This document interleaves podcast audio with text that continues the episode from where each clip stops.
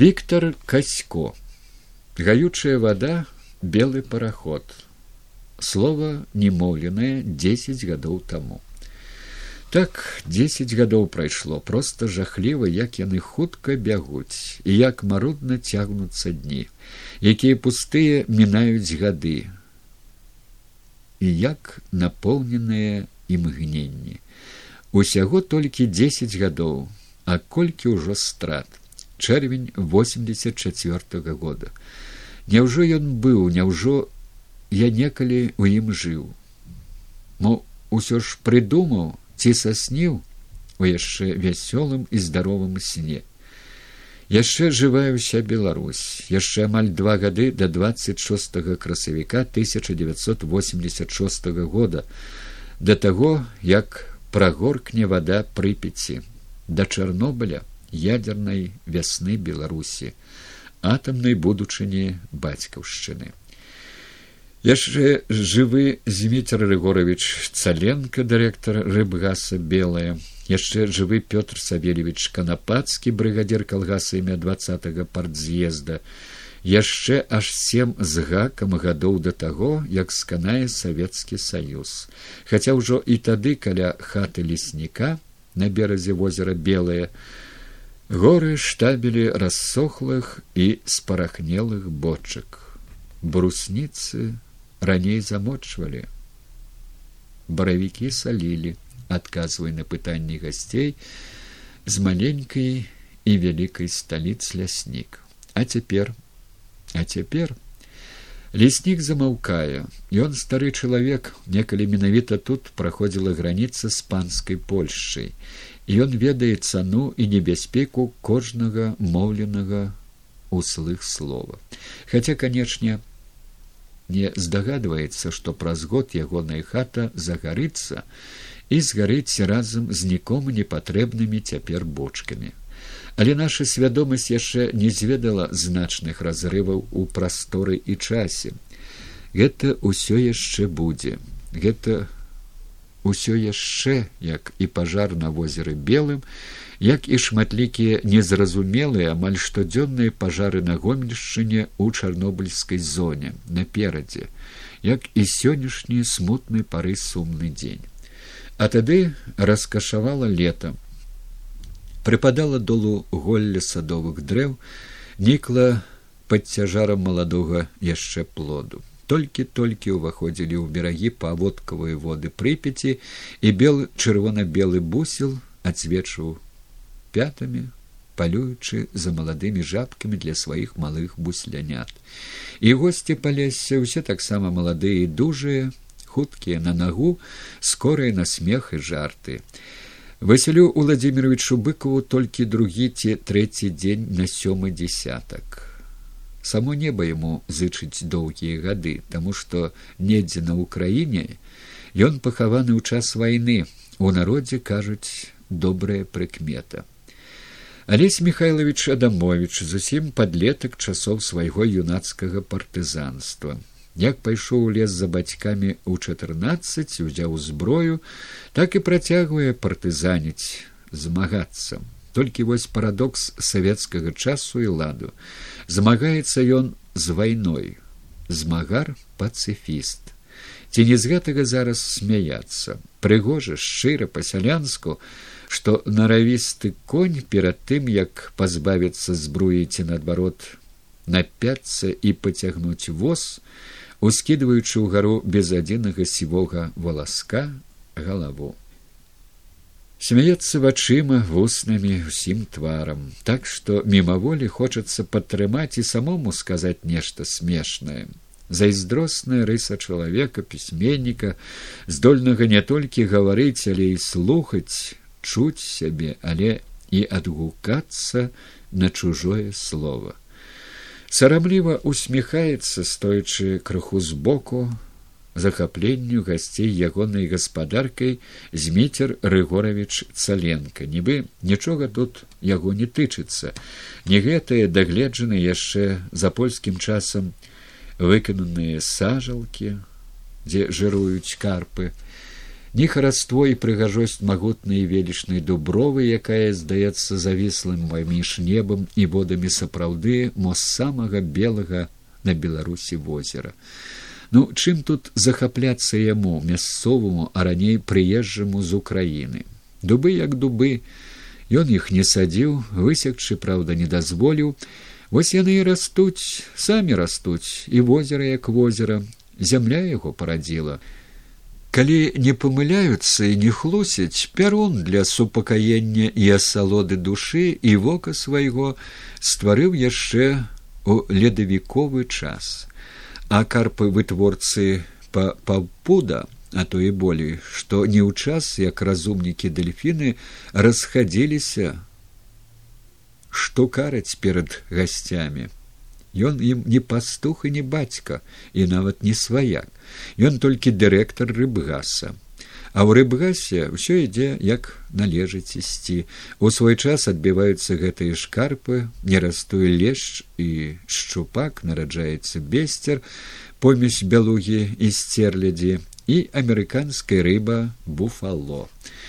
Усё ў свой час прадпісаны прыродай і творцам, а ім толькі падтрымліваем мы бо на тое ён і існуе чалавек і ніхто яшчэ не ведае не здагадваецца што можа быць інакш што нечае нядобрае і хіжае вока легла ўжо на лес воды і рыб і нядоўга ўжо чакаць таго часу калі пачнуць зводзіць са свету пракаветныя салаты дубы маркотныя неабдымныя хвоі карп звыклы каб яго кармілі Аднаго лета не ўбачыць рукі з хлебам. Цана за камбікорм дасягне амаль касмічных вышынь. І баль пачне правіць браканьер. Пачнецца паляванне на рыбіну, маленькую і вялікую, а больш зразумела на вялікую, на вытворцаў, і ацалелыя з іх страцяць інстынкт да размнажэння, закапаюцца ў твань і носа з яе не пакажуць.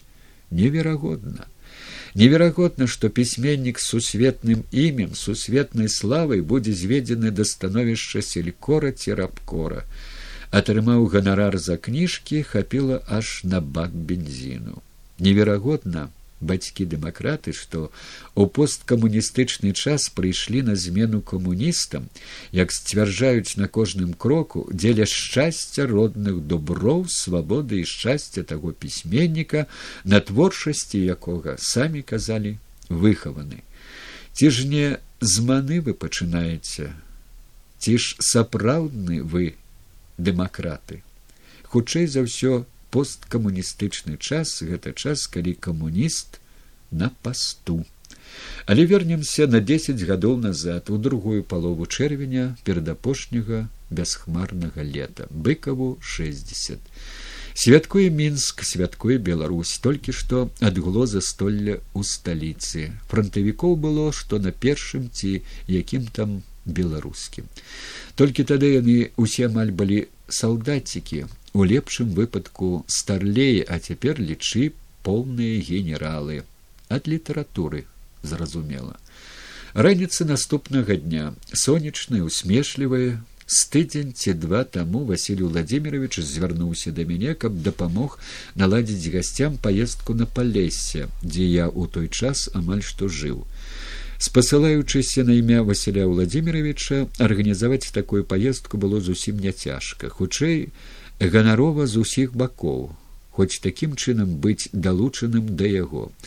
За гонар для сябе палічылі і мясцовыя ўлады. Моя роля была маленькая прапанаваць і ўзгадніць маршрут дзе праехаць дзе прайсці спыніцца пераначаваць. Я думаю што гэта добра разумеў і василь владимирович і толькі нежаданне некага турбаваць і каму б там не было кланяцца далікатнасць уласцівай наогул беларусу а ў быкова як у чалавека сціплага і сумленнага узведзеная нават у нешта гіпертрафіраванае не дазволілі звярнуцца да раённых улад напрамую. Хаця гэта трэба адзначыць адразу пра гэта пойдзе гаворка і далей і разам з такой вось сціпласцю як бы сцішанасцю василю владимировичу у вышэйшай меры уласцівы і велічнасць нават пэўная дзяржаўнасць. Без залішняй ганарыстасці зразумела мітусні ўсё ж справядліва служэнне мус не терпят суеты Таму што гэта і ёсць сама дзяржава. Хоць і самая незалежная але і вельмі тыранічная дзяржава аднаго але якога чалавека. Што ёсць то ўжо ёсць. І я пішу пра гэта не без радасці. Калі мы гаворым што быкаў сумленне нашай літаратуры то вось такім на маю думку гэта сумленне і не толькі літаратурнае і павінна быць. Девять гадзін раніцы гасцініца юбілейнае месца збора. Надзева пасля учарашняга позняга застолля госці дысцыплінаваныя як салдаты новабранцы і свеженькія паголеныя прыхарошаныя. І ўсе ў поўнай наяўнасці. Сергей петрович залыгін лазар ильич лазараў з жонкай алесь михайлович адамович таксама з жонкай василий владимирович зырыны михайловнай. Усе мо крыху нават зварочыста падцягнутыя бадзёры як кадравыя афіцеры а да ўсяго вось ужо і ўзабылася ці то сёння ўжо двадцать другога чэрвеня ці мы яшчэ толькі напярэдадні сумнай даты пачатку вайны з фашысцкай германіяй пра гэта не гаворацца але адгалосак мінушчыны адчуваецца ў паветры. Не не ды да павее нечым трывожным. Можна адчаліваць але няма данііла граніна высвятляецца што ў апошнюю хвіліну ён адмовіўся ад паездкі. Пільная патрэба быць дома у ленінградзе пашкадавалі але калі трэба то трэба. А з дарогі пасля старобіна леценца ступіўшы адной нагою па лесе велічны спакой яго белых выспаў пяску ухапіўшы за бараду здаецца само сонца дубы прагныя да вады і багны вольхі каля рэчкі морач дамовіліся адбіць тэлеграму. Гранін у цябе не ўсе дома яшчэ адна акалічнасць ад'езду. У апошні момант убачылі што рафік наш кульгавы на адну нагу спусціла кола. І запаскі няма. Разулі маю машыну. Жорсткі але звыклы рэалізм літаратурнага жыцця. Жанчыны напаўжартам а больш сур'ёзна накінуліся на літфондаўскага вадзіцеля. Трэба ж думаць каго вязеш. Красу і гонар літаратуры. Краса і гонар паблажліва пасміхаўся вызвалены на пэўны час ад той жа літаратуры. Вадзіцель разбітны цыганісты хлопец рагатаў у голас. Дзяржаўнай машыне ўсё роўна каго і куды весці падчас гэтай амаль што сяброўскай гаманы застаўся ў баку адзін толькі сергей павлович залыгін. Ён адразу ж дастаў з кішэні блакнотик і пачаў нешта занатоўваць. Вакол веравала гарадское жыццё з яго побытам укладам і норавам. Пачалі прачынацца і вылазіць на свет адроджаныя дэмакратыі прастытуткі. Праўда яшчэ не такія публічна шыкоўныя і нахабныя як сёння. Мо якраз недаспеласцю правінцыйнай сарамлівасцю і прыкметнае ў натоўпе здалёку вылучаліся замежнікі следам за якімі крочылі не то фарца не то службоўцы зусім нам вядомай установы. Мінск быў хаця і вялікім але амаль што сялянскім горадам. І ўсё ў ім было навідавоку а тае раніцы і аблашчаным вусцішнай усмешкай сонца параднёнасці чалавека вуліцы і вады гэта быў яшчэ свойскі родны горад. Яго яшчэ не захапілі ні марс ні снікерс з макдональдамі. Нашы дзеці яшчэ не услугоўвалі замежнікам не мылі ім за маркі і долары машыны і сам мінск яшчэ не страціў вартасці беларускага працоўнага горада. Жабрацтва і прыніжанасць былі яшчэ наперадзе. Кожную хоць крышачку ды чамусьці хваляваўся.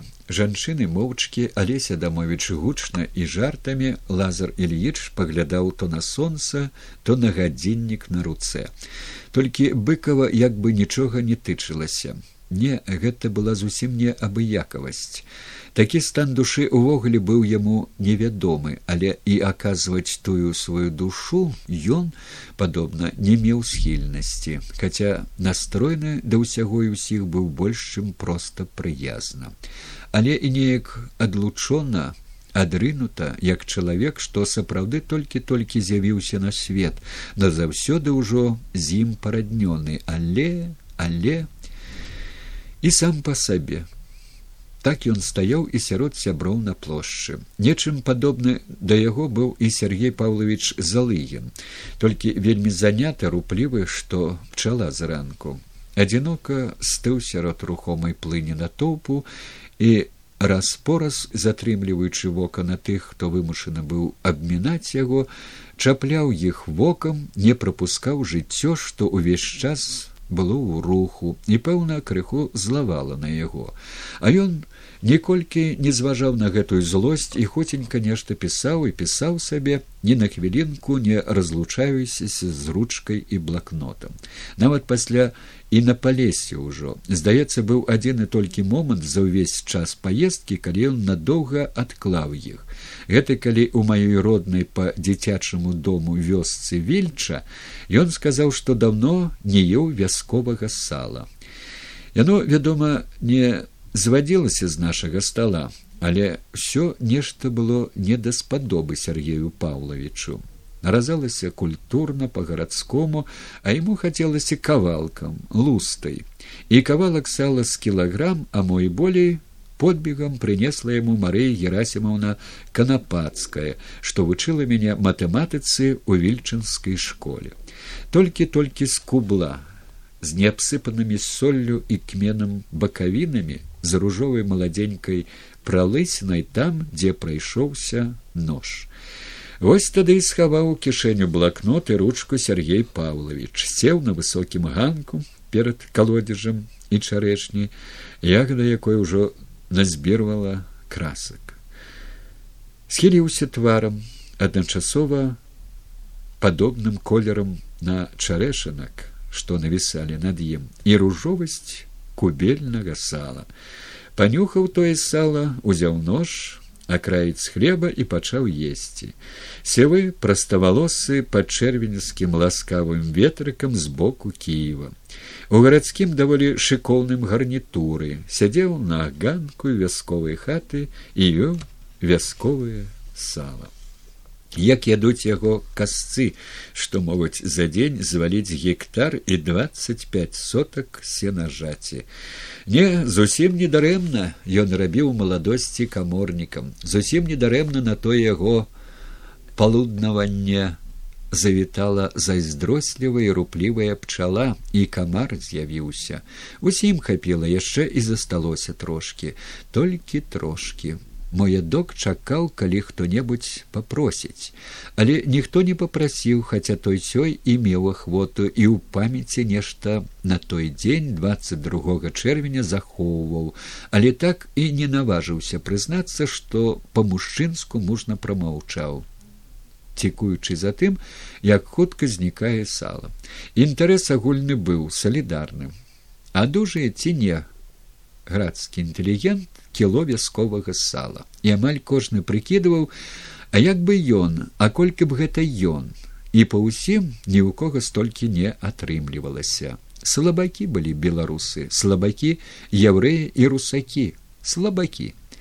А жанчыны пачалі перажываць і баяцца усё ж каморнік то каморнік няхай і геадэзіст але калі тое было што не кажыце добрага веку чалавек пачалі прыгадваць выходзіла на восьмы десятак як бы не зрабілася блага так яно ўсё і было толькі ад беларускага вясковага сала ніхто яшчэ не памёр.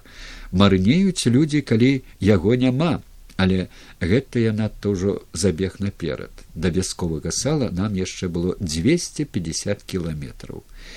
Не магу утрымацца даруйте мне. Ужо у гэтым годзе якраз пад ражство давялося адведаць у вёску адну з тых жанчын што частавалі маскоўскіх мінскіх пісьменнікаў салам. Я паспеў у яе хату якраз на сняданак які ў гэты дзень па народным звычаі павінен складацца з дванаццаці страў. На стале перад жанчынай пасірочы чарнеў чыгунок з пустой таптанкай ляжалі салены гурочак і цыбуліна. Той пустой таптанкай на раство і душылася старая. Душылася ў хаце у якой сала спрадвеку не зводзілася якую вёсцы раней і не вельмі прызнавалі. Ну што з таго сала? Напрэшся з булі да з кіслым малаком мімаволі сёння скажаш было сала былі пісьменнікі а цяпер прыходзіцца толькі гадаць што раней знікла ці то сала ці то пісьменнікі і хто з'еў тое сала не думаю што маскалі сергей павлович залыгін у прыватнасці ён жа толькі кілаграм а астатні а мы ўжо едзем масквічы міншане рускі беларусы яўрэі і няпэўнай нацыянальнасці вадзіцель рафіка а дарога божа ж ты мой калі па сённяшнім дні то лепей і пешкі, бо сёння ад маёй вёскі аўтобусам чатырнаццаць тысяч рублёў.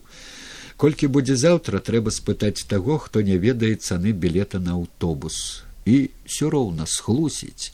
Да ярка ж да нядаўняга часу атрымлівала ў калгасе за месяц тридцать тысяч рублёў. І тое з вялікай ласкі хацелі плацілі, а не хацелі не аплацілі. Неяк не вельмі даўно камсамольская правда пераказала гаворку Віктора Петровича Астаф'ева па тэлефоне з Васілём Уладзіміровичам быкавым. Яны сышліся на тым, што абодва вельмі рады, што ім хутка паміраць. ведаю, што маладая гвардія не можа выдаць збор твораў таго ж Астаф'ева, шукшына, не кажучы пра быкава.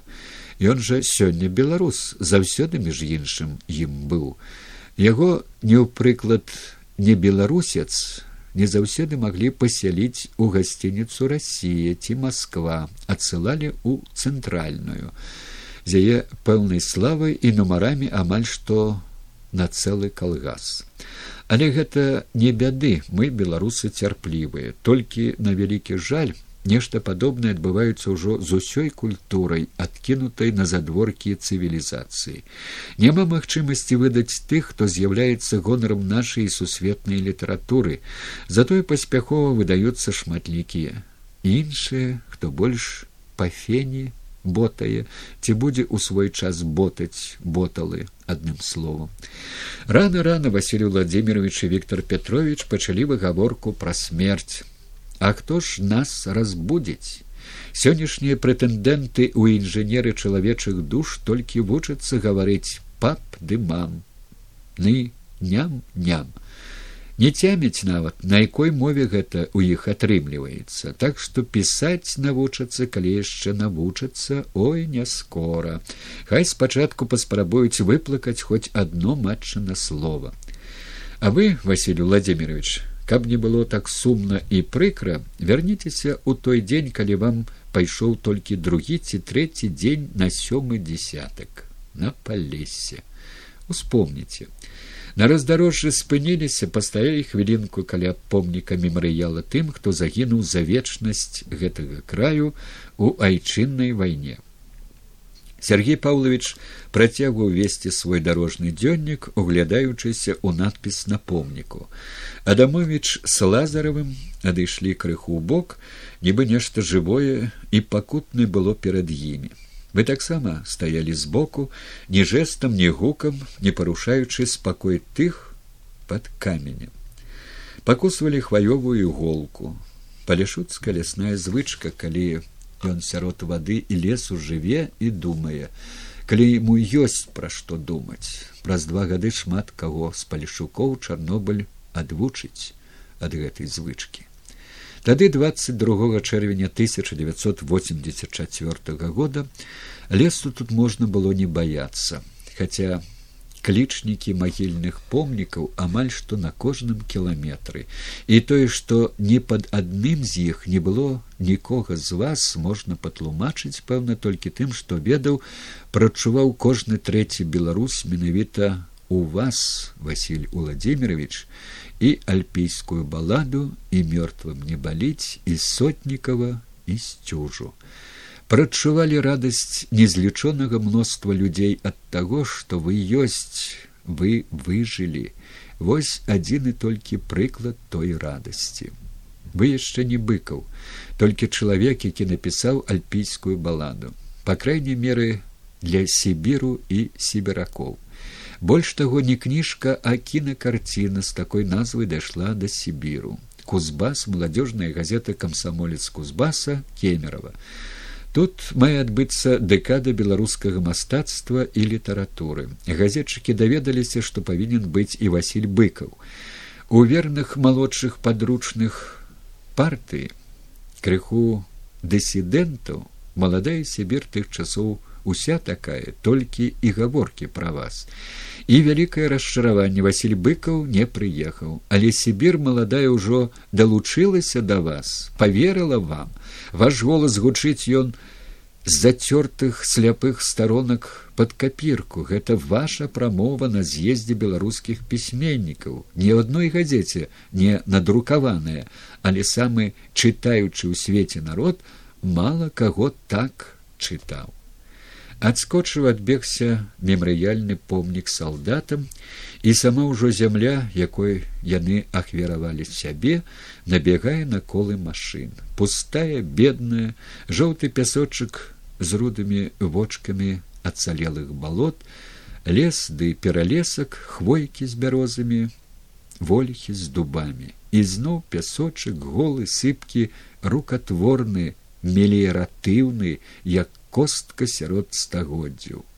Палесе ціхая не кіткая як многа у гэтай зямлі ад вас василь владимирович хаця бы і не паляшук. Але маці ва ўсіх нас адна і она зберагаецца ў сваіх сынах. Вось яшчэ адзін напамінак дрымотнай нашай сціплай бацькаўшчыны і былой вайны. Некалі вы сказалі што ў беларусі ўсё ёсць толькі мы не ведаем. Мы дзікуны ў сваёй роднай хаце. А на свеце не так ужо і багата краін з такой вячыста славутую памяццю. Тут жылі і сусветна вядомыя светнікі першадрукары філосафы мысляры. А што тычыцца майстроў прыгожага пісьменства не разумею чаму свет пра гэта маўчыць. Прыгледзьцеся дзе іх яшчэ столькі было Адна з гіпотэз сёння аўтар слова о палку ігоравым кирилла тураўскі. Слова ведае кожны хто агораў праграму сярэдняй школы. А колькі з іх хоць нешта чулі пра кириллу тураўскага? Хай ён нават і не аўтар слова але ж чалавек здольны узняцца да яго вышынь. Як яшчэ адно сцвярджэнне і сведчанне нашай нематы і бязлікасці перад светам каля павароту на хорастаў з белай кветені язьміну выглядваюць дзве сівыя галавы. Гэта згублены сярод дарогі лесу помнік беларускім сусаніным спрэчка ці быў той сусанін ці не ў рассіі а тут жылі два браты памяць пра іх увекавечана сціплым помнікам са звычайнага бетону. Што зробіш яны беларускія сусаніны і ціха леглі адзін у белы пясочак роднай зямлі калі адмовіўся паказаць дарогу карнікам да партызанскага лагеру другі который павёў іх і завёў у дрыгву і багну з якіх адна толькі дарога на той свет у балота. Беларускім дзецям і не толькі дзецям імя іх амаль невядомае хто хоча блытацца сярод нейкіх цупрыкаў цэбрыкаў сусанін адзін на ўсіх і хопіць. Але нібыта у дакор людзям пра іх добра ведае звер мо нават і адчувае нейкую параднёнасць з гэтымі палешукамі братамі. Гады са два тры таму я бачыў як сюды прыйшоў зубр. Пазней даведаўся што пракаветна праходзіла зубрыная дарога з белавежжа ў тураўшчыну вось той зубр прыведзены абуджаную памяццю ступіў на сваю старажытную сцежку і памяць яго вывела да скамянелых двух дзядоў палешукоў удзячны зубр што ўцёк ад кармушкі ў белай вежы пераступіў праз агарожу помніка падышоў да дзядоў аблізаў сівыя головы і грудзі як слёзы навесіў ім на бароды сваю жамчужную сліну апошні прыпынак перад жыткаўшчынай дзе нас павінны былі ўжо сустракаць і весці далей. Перад ленінам спыніліся мясцены ягадныя і запаветныя мо мой у нейкім прачуванні праз два гады за тыдзень да вербнай нядзелі і да чарнобыля адсюль з рэкі случ пачнецца сыход ракаў. Сышлі з палескай ракі ракі а праз тыдзень быў ужо і чарнобыль. І гэта яшчэ не ўсё. Сюды у леніна і пад леніна пачалі перасяляць людзей з чарнобыльскай зоны. А праз нейкі час высветлілася што ленінская зона ні ў чым не саступае чарнобыльскай. А тады калі мы ехалі тут быў рай зямны які праўда застаўся і сёння толькі для смертнікаў. Тады ж ён быў для жывых такія дубы што мясцовае начальства хаваючыся пад іх шатамі ад людскога вока называла кожны з іх рэстаранам палесся. Дубы прысадзістай з вечнасці і гнуткі яшчэ на вятры маладыя што толькі прымерваліся да той жа вечнасці з асветленымі сонцам маладымі без рабаціння нават бярозамі хвоямі як свечкі ляшчыною разамлелым на сонцы бруснічнікам ды чарнічнікам.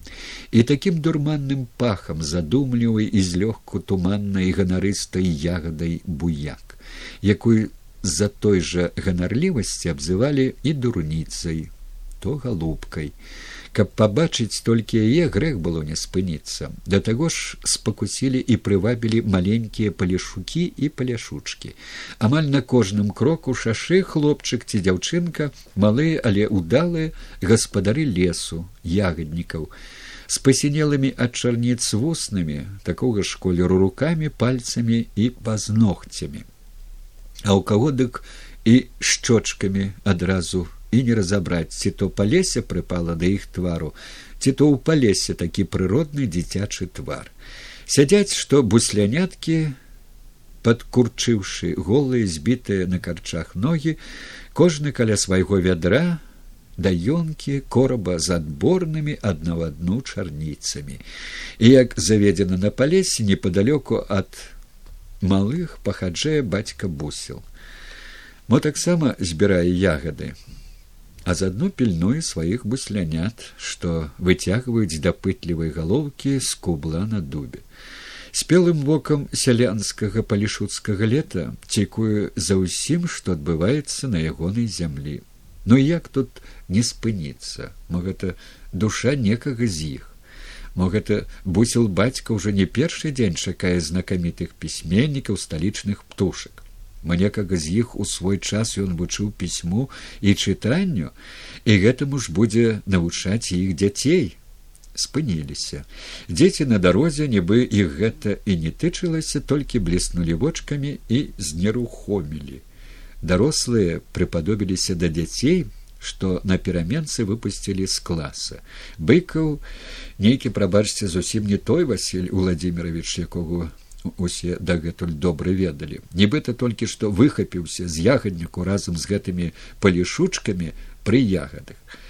Знарок ці міжволі гэта у яго атрымлівалася пачаў крочыць туды сюды па шашы як і бусел на поплаве непадалёку нібы пацвельваў таго бусла Бусел пакрыўдзіўся, пэўна, узняўся і паляцеў, сеў на кубло і дзеткам не дазволіў глядзець, што там вырабляе ўжо сталага веку чалавек. Залыгін схапіўся за блакнот.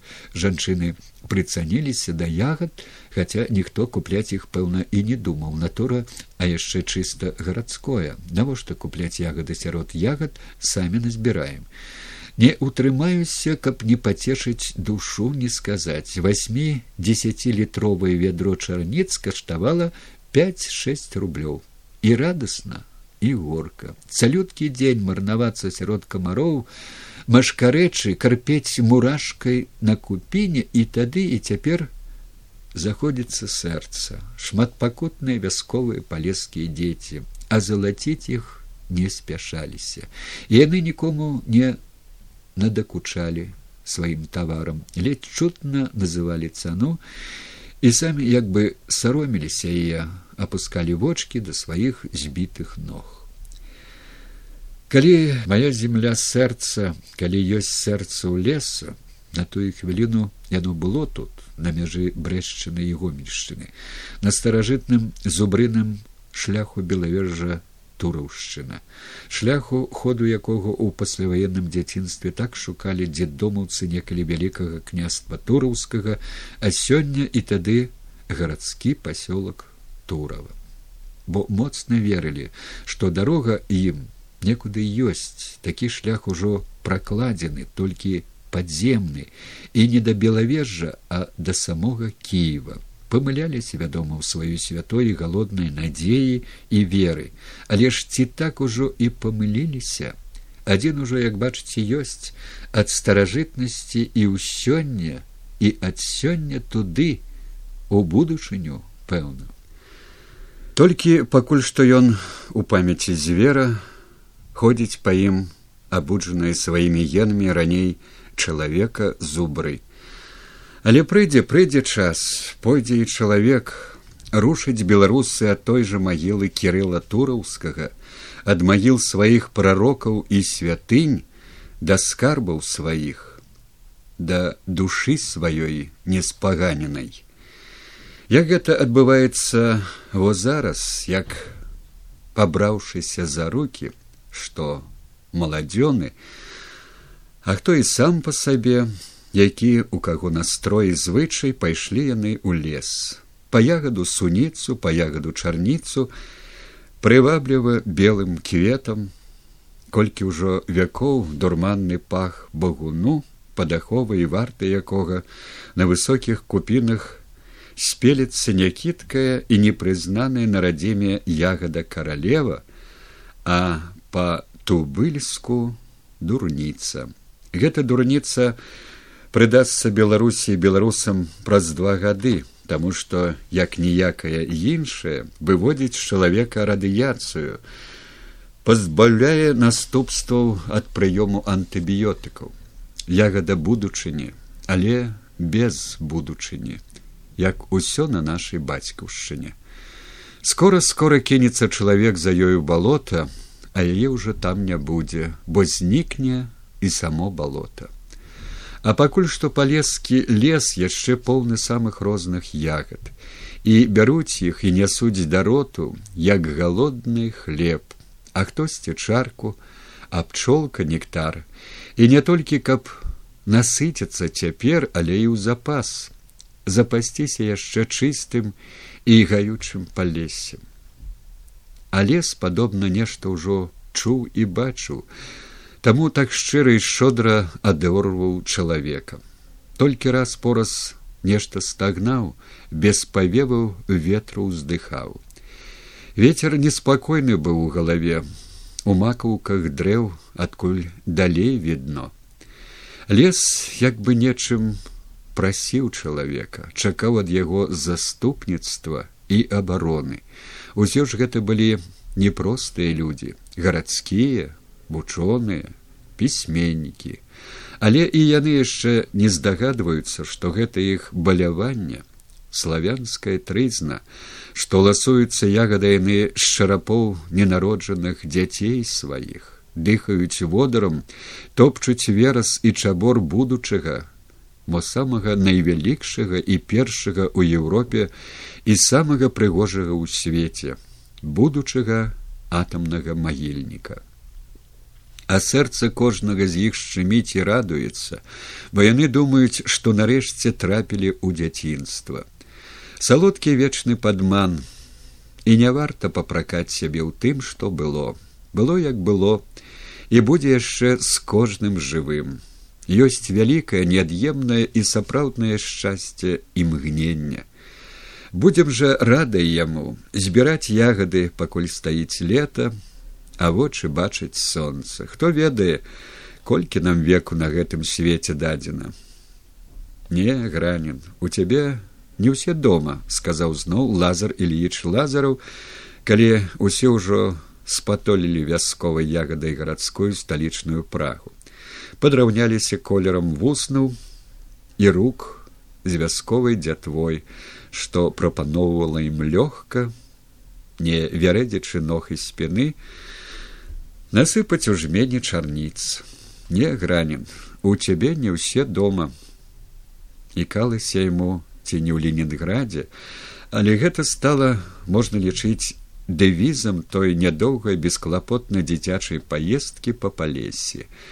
Слоўцы гэтыя прыгаворвалі і да ледавіковым возеры белае і на прыпеці, сёрбаючы рыбацкую юшку на сенажаце каля ракі пад старажытным туравым і ў вёсцы вільча. А там на шашы усё ж купілі вядро чарніц, пашкадавалі самую маленькую дзяўчынку. Ну такая яна ўжо маленькая, а што ўжо паляшучка, то калі захоча палезся, выракціся яе дудкі з ластаўчыным арабаціннем на зняможаным аддзённай напругі і паляшуцкай зацятасці тварыкам яна здаецца не вельмі ўзрадавалася сваёй удачы амо не хацела выстаўляцца перад сяброўкамі з годнасцю падзякавала атрымаўшы гарадскія лёгкія рублікі нехапатліва узяла дзёначку павярнулася і пакрочыла ў лес пэўна па новую ягаду па-даросламу шчыльна захутаўшы твар матчанай хусткай. А на самой мяжы брэшчыны і гомельшчыны пазначанай сэрцападобнай глыбай граніту з мікашевіцкага кар'еру нас ужо чакалі. Чакалі вядома найперш васіля владимировича і па ўсім зачакаліся. Сустракальнікі як касары толькі без скос у стракатай святочнай а працы сядзелі пад чырванню граніта за разасланымі перад імі абрусамі рушнікамі выстаўленымі на іх хлебам солю нібы самі добра паполуднавалі ўжо разамлелае на сонцапёку і тут атрымалася першая маленька а мо і не такая ўжо маленькая няўвязка не стыкоўка пра яе можна было б і не гаварыць але справа ў тым што не не ды яна ўвесь час будзе ўзнікаць зноў і зноў быў у ёй свой колкі і мулкі вузельчык. І сёння я нават не магу з пэўнасцю сказаць у чым ён. У часе і ладзе сярод якіх мы жывем ці у характары нораве васіля владимировича увогуле на маю думку гэта адно з самых складаных і вечных пытанняў аб магчымасці а хутчэй немагчымасці захавання свайго я ступені гатоўнасці творца аддацца ці прадацца легчы пад фаварыта дачасніка. Адказваць тут на гэтае пытанне не мае сэнсу калі нават маяковскі з фадзеевым не здолелі адказаць. Амо наадварот адказалі. Але наше жыццё такое з'едлівае што на кожным кроку высока і нізка мярзотна і велічна выпрабоўвае нас нехта не зводзіць з нас вачэй цікуе куды і як мы ступім.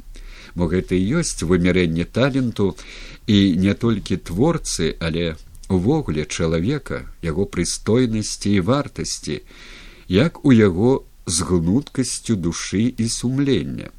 У адносінах да васіля владимировича адзін і толькі прыклад. Так дробязь а як на нейчую думку дык мо і прыхамаць амаль у кожнага з нас на памяці наш ненадакучлівы савецкі сервіс асабліва аўтамабільны. Дык вось василь уладзімирович каб быць незалежным ад яго пачаў самастойна і грунтоўна вывучаць аўтамабіль і яго рухавік і гэта мо быў адзіны пісьменнік у нашым творчым саюзе які нешта ведаў не толькі пра тое што колы машыны павінны круціцца хаця ездзіў па сведчанню ірыны михайлаўны вельмі своеасабліва. Неяк на трасе седзячы побач з мужам у салоне аўтамабіля яна здзівілася. Василий нешта дарога вельмі свабодная ніхто нас не даганяе не абганяе усе толькі насустрач насустрач і такія ўсе чыстыя але чорныя чорныя як з таго свету і равуць равуць чамусьці Прыгледзеліся, аказалася, Васіль Владимирович ступіў на ўрадавую трасу з аднабаковым і толькі сустрэчным рухам. Не ведае, каму як, а мне гэта дык сімвалічна.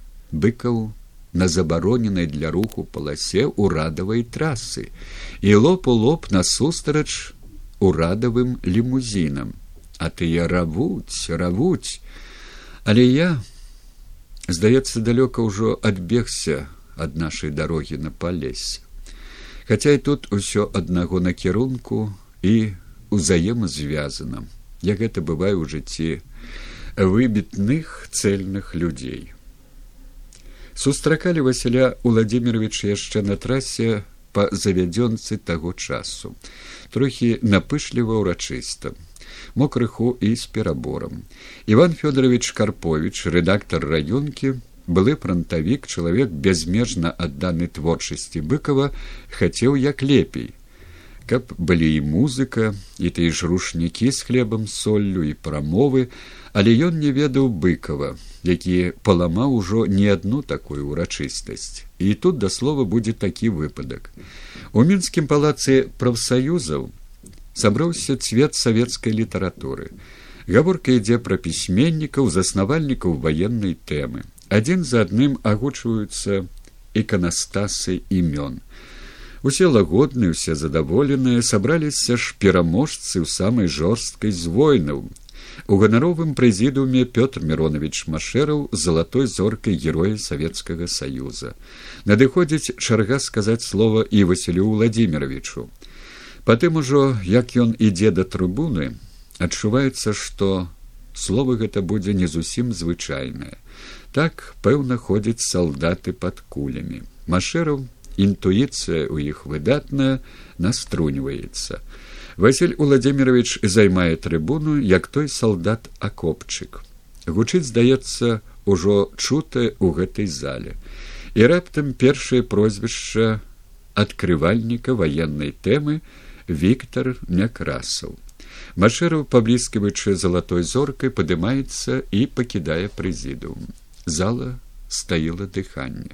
Быкаў падгулкі перастук абцасу першага сакратара ЦК партыі працягвае кідаць у насцярожана аціхлую залу словы камяні.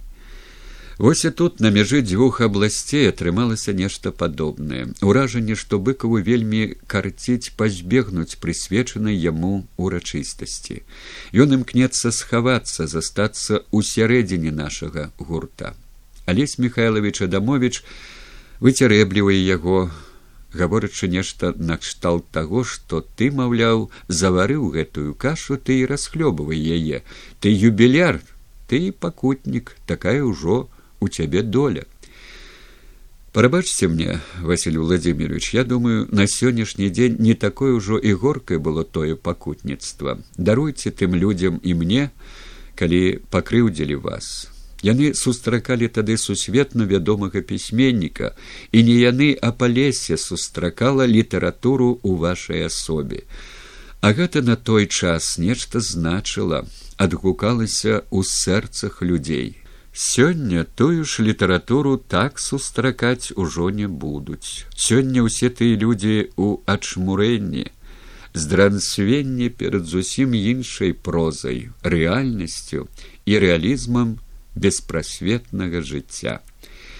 І я прашу прабачэння не за людзей, шчырасці не патрэбны прабачэнні. Было ў той паездцы на палесе, здаецца мне, у ваших адносінах дае нешта іншае больш патаемнае і глыбіннае чуў чытаў што стэндаль любіў прыгадваць такую гісторыю недзе ў астрыі под зальцбургам ёсць саляныя капальні і жыхары зальцбурга па восені калі ападае з дрэваў апошні ліст ламаюць голыя вецце і на вяроўцы апускаюць яго ў капальні і атрымліваецца букет, які пераліваецца зіхаціць усімі колерамі вясёлкі. Так выкрышталізаваліся на іх пылінкі солі. Стандаль захапляўся тымі букетамі і любіў паўтараць падземная нябачная свету работа страсцей. Вось такая падземная работа страсцей, мяркуючы па вашым жыцці, па вашых творах заўсёдна і паўсюдна была з вами і ў вас. Яна не адступалася, трымала вас і падчас паездкі на палесе. Пісьменнік, празаек такога таленту і напалу, як вы заўсёды чарнарабочы, нават за святочным сталом, і таму за тым святочным вашым юбілейным сталом, не было гучных слоў. Не сказаў слова вам і я тады калі вы былі на десять гадоў маладзей.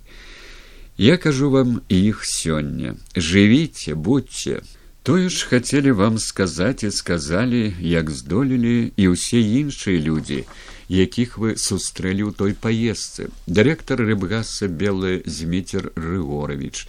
Хаця ён здаецца падобна да вас быў самы маўклівы на вечарыне і напярэдадні яе калі ездзілі па яго гаспадарцы глядзелі замежную рыбу буфало і айчынных вестераў і карпоў качароў і качак што аж под ногі кідаліся плавалі па сажалках дзікія абіралі і ели з кустоў маліну ад якой чырвона было ў вачах было што паказаць і на што паглядзець без слоў.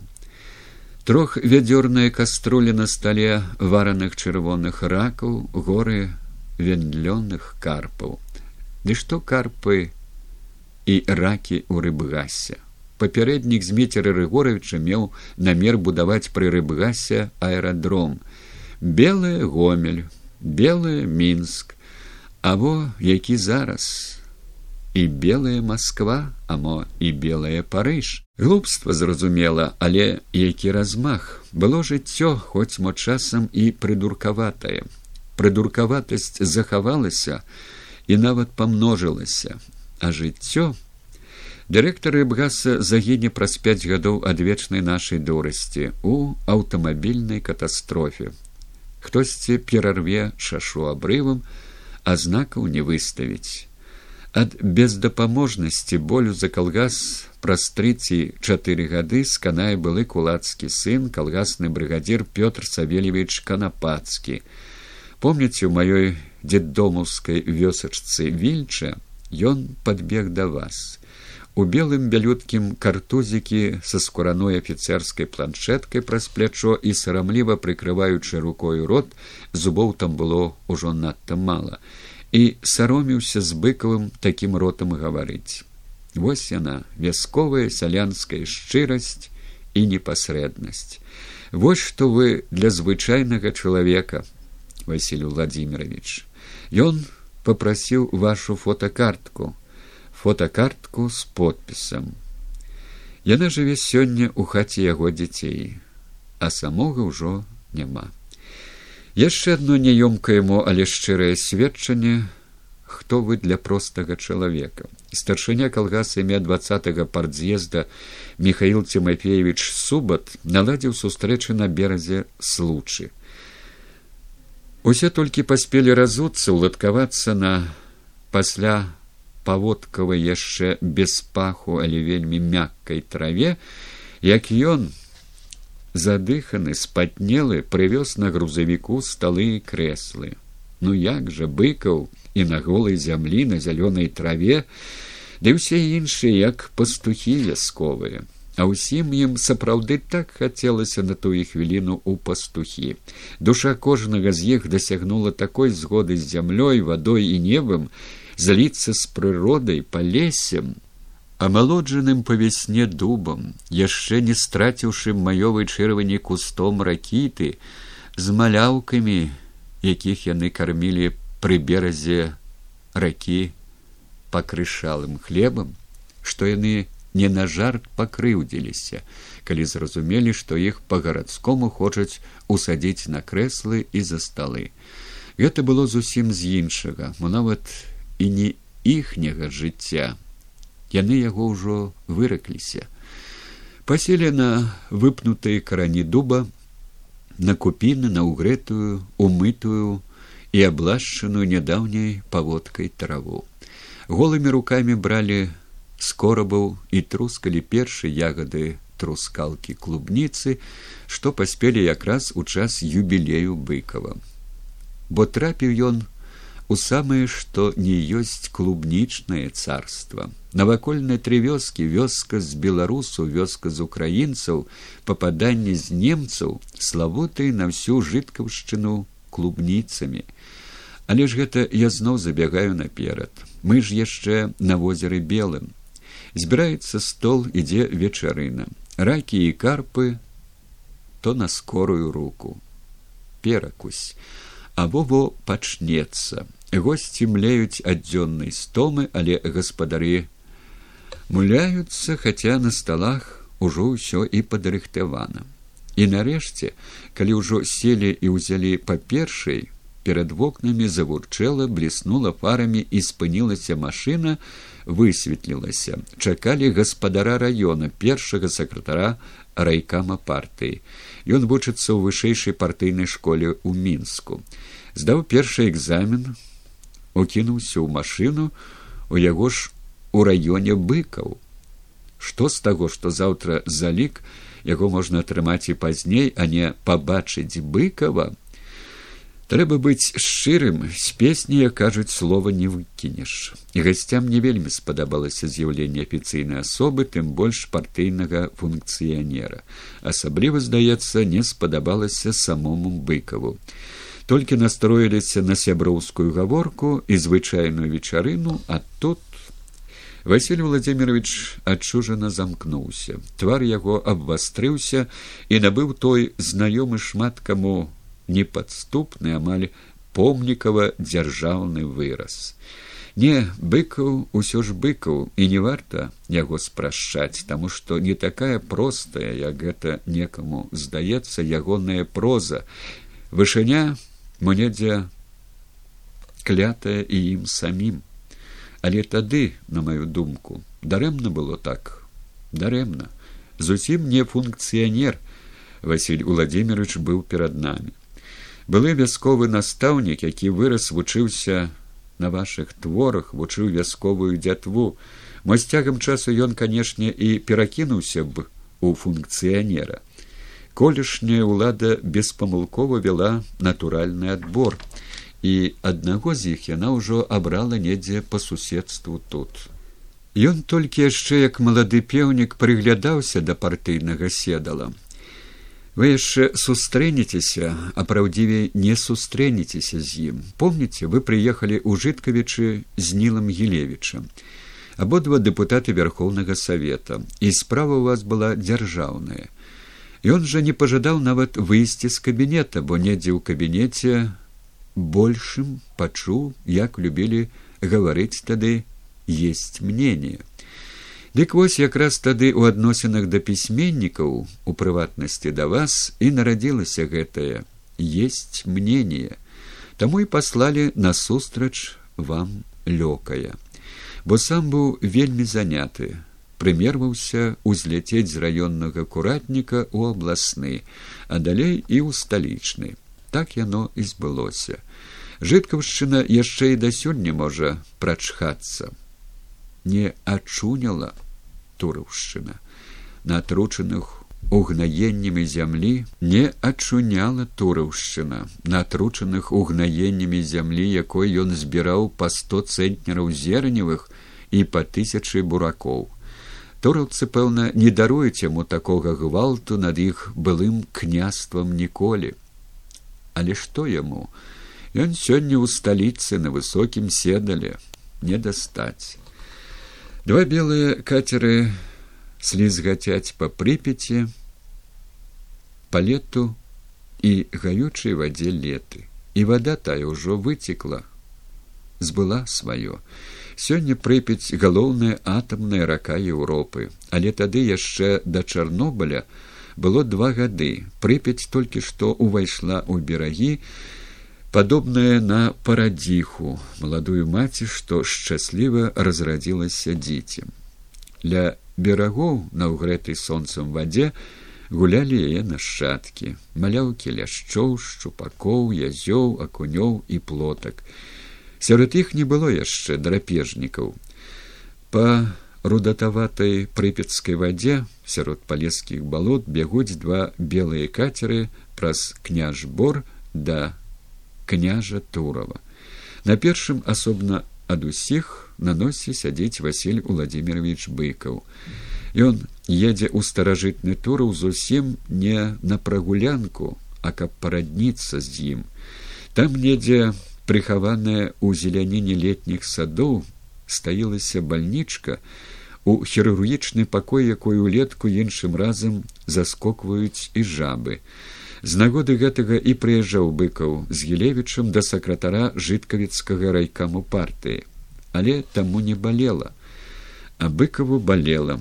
Палескі полацкі віцебскі наш беларускі боль боль хворай краіны хворых людзей жыткаўцы абяруць быкава дэпутатам вярхоўнага савета з наказам пабудаваць у тораве прыстойную балнічку.